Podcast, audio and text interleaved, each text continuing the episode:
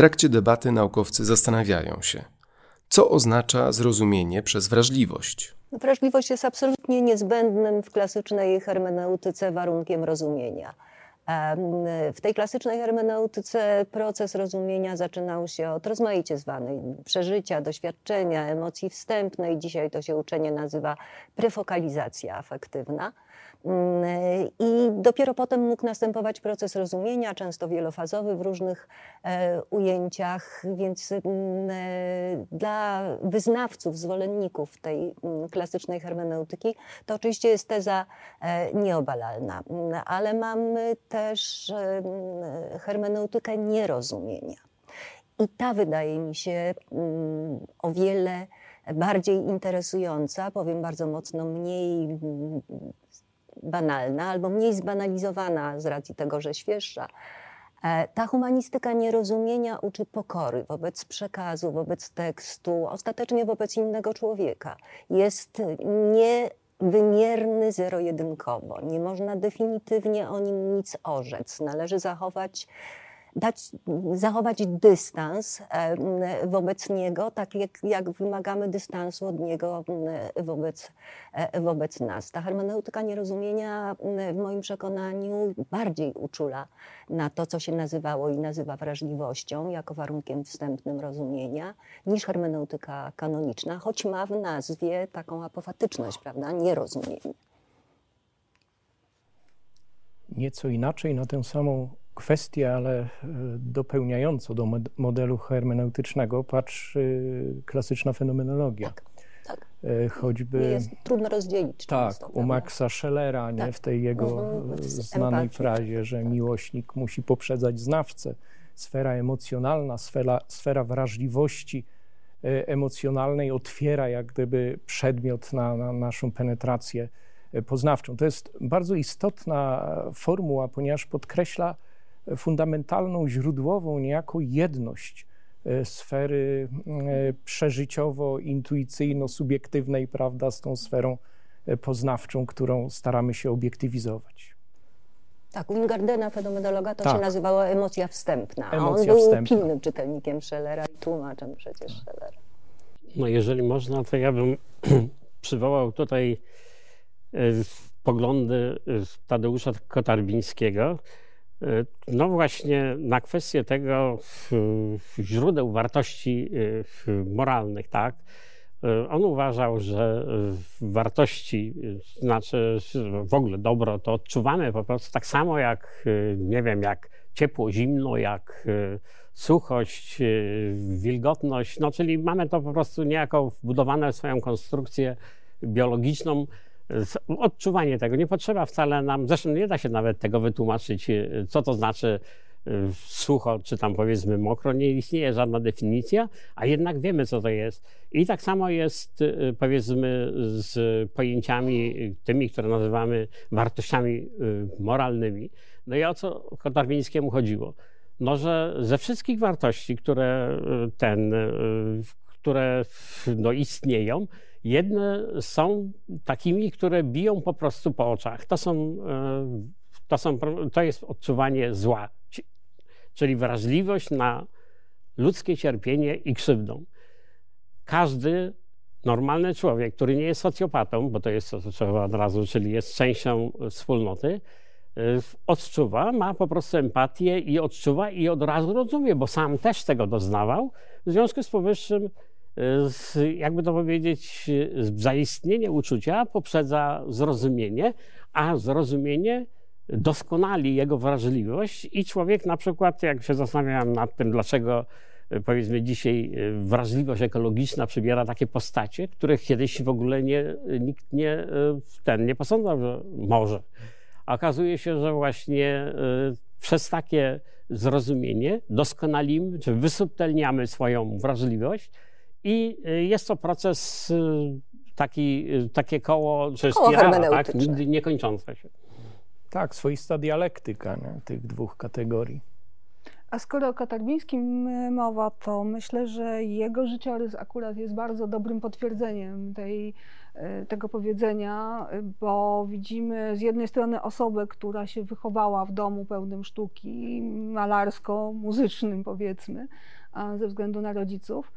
Z drugiej strony widzimy kogoś niesłychanie wrażliwego na cudzą krzywdę, kogoś, kto na własnych plecach wynosi z mm, płonącej Warszawy staruszkę, jak czytałam w y, artykule profesora Woleńskiego, e, więc kogoś obdarzonego fundamentalną wrażliwością, kto przykłada później tę swoją wrażliwość na koncepcję opiekuna spolegliwego, e, na myślenie o tym, że odpowiedzialność wiąże się z każdego rodzaju pracą.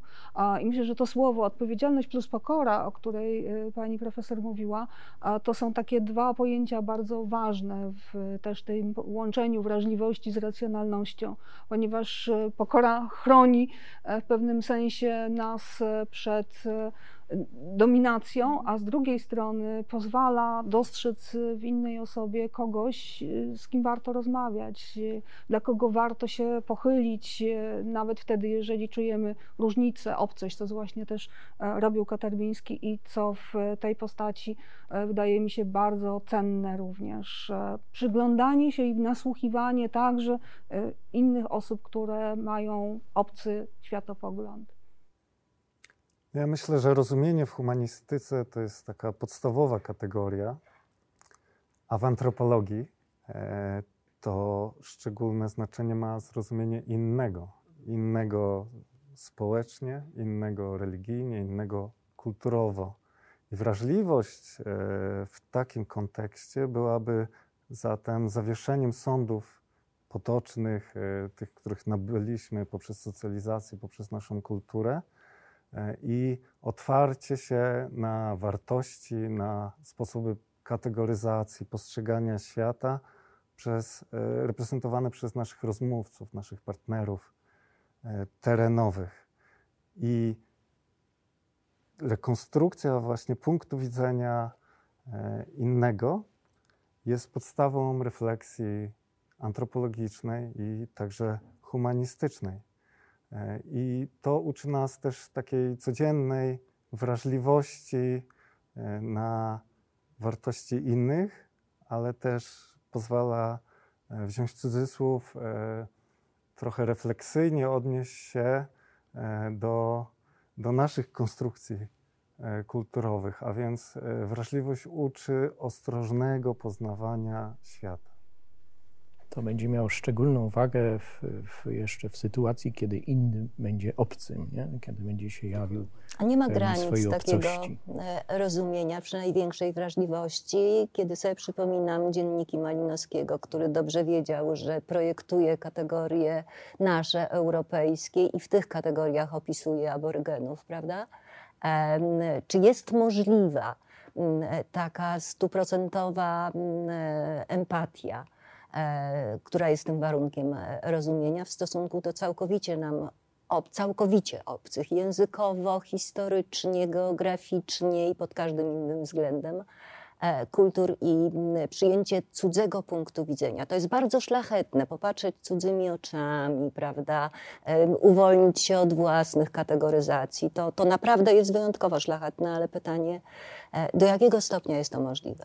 Ja wiem, zrezygnowaliśmy z uniwersalnego podmiotu XVIII-wiecznego, tacy naiwni już nie jesteśmy, e, tylko no, mm, antropolog czy antropolog-biolog, e, jeśli widzi te same zasady pracy umysłu, tak, to siłą rzeczy będzie podążał w stronę tego uniwersalnego podmiotu ludzkiego, bo przecież ten umysł jest tak samo zbudowany, więc każdy powinien myśleć tak samo.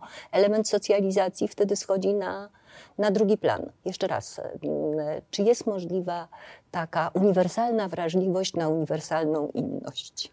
No, uniwersalność pewnie nie jest możliwa i wiele prac powstało też nad zagadnieniem translacji tak. tej wiedzy, którą mhm. zdobyliśmy, bo jeżeli tak. przyjęliśmy tak. jakąś perspektywę mhm. innego, to jak to przełożyć teraz na nasz język i co się gubi w tej translacji. Ale myślę, że zamiast poszukiwać takich uniwersaliów, można spróbować wykonać program minimum czyli poprzez doświadczenia, interakcje, nieustannie spróbować rozumieć. Ten proces się nigdy nie skończy, może, e, ale będzie on bardziej autentyczny. I ten problem translacji oczywiście jest, jest ważny. To nie będzie zawsze to samo, e, ale chodzi przecież nam o próbę zrozumienia, a więc e, tak samo jak rozmawiamy pomiędzy sobą. I tak do końca nie wejdziemy przecież e, w głowę naszego rozmówcy, ale jakieś zrozumienie jest możliwe, tak samo pomiędzy różnymi kulturami.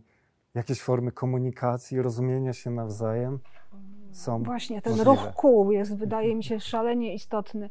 Przypomina mi się też taki e, termin Cezarego Wodzińskiego, gościnność, ale pisana z apostrofem, gościnność, prawda? To jest właśnie to postrzeganie w takich e, kategoriach przyjaznych, ale też związanych z uważnością, z nakierowaniem swojej percepcji na, na kogoś innego. A ja przypomnę Gayatri Spivak, jej klasyczną rozprawę, czy subaltern może mówić, czy może być rozumiany w związku z tym. Będzie mówił w swoim języku, siłą rzeczy nikt go poza swoimi nie zrozumie. Będzie pisał jak Gayatri po angielsku, a to już jest wejście w cudzą kulturę i rezygnacja z jakiejś artykułowalności własnej kultury. I to jest pad.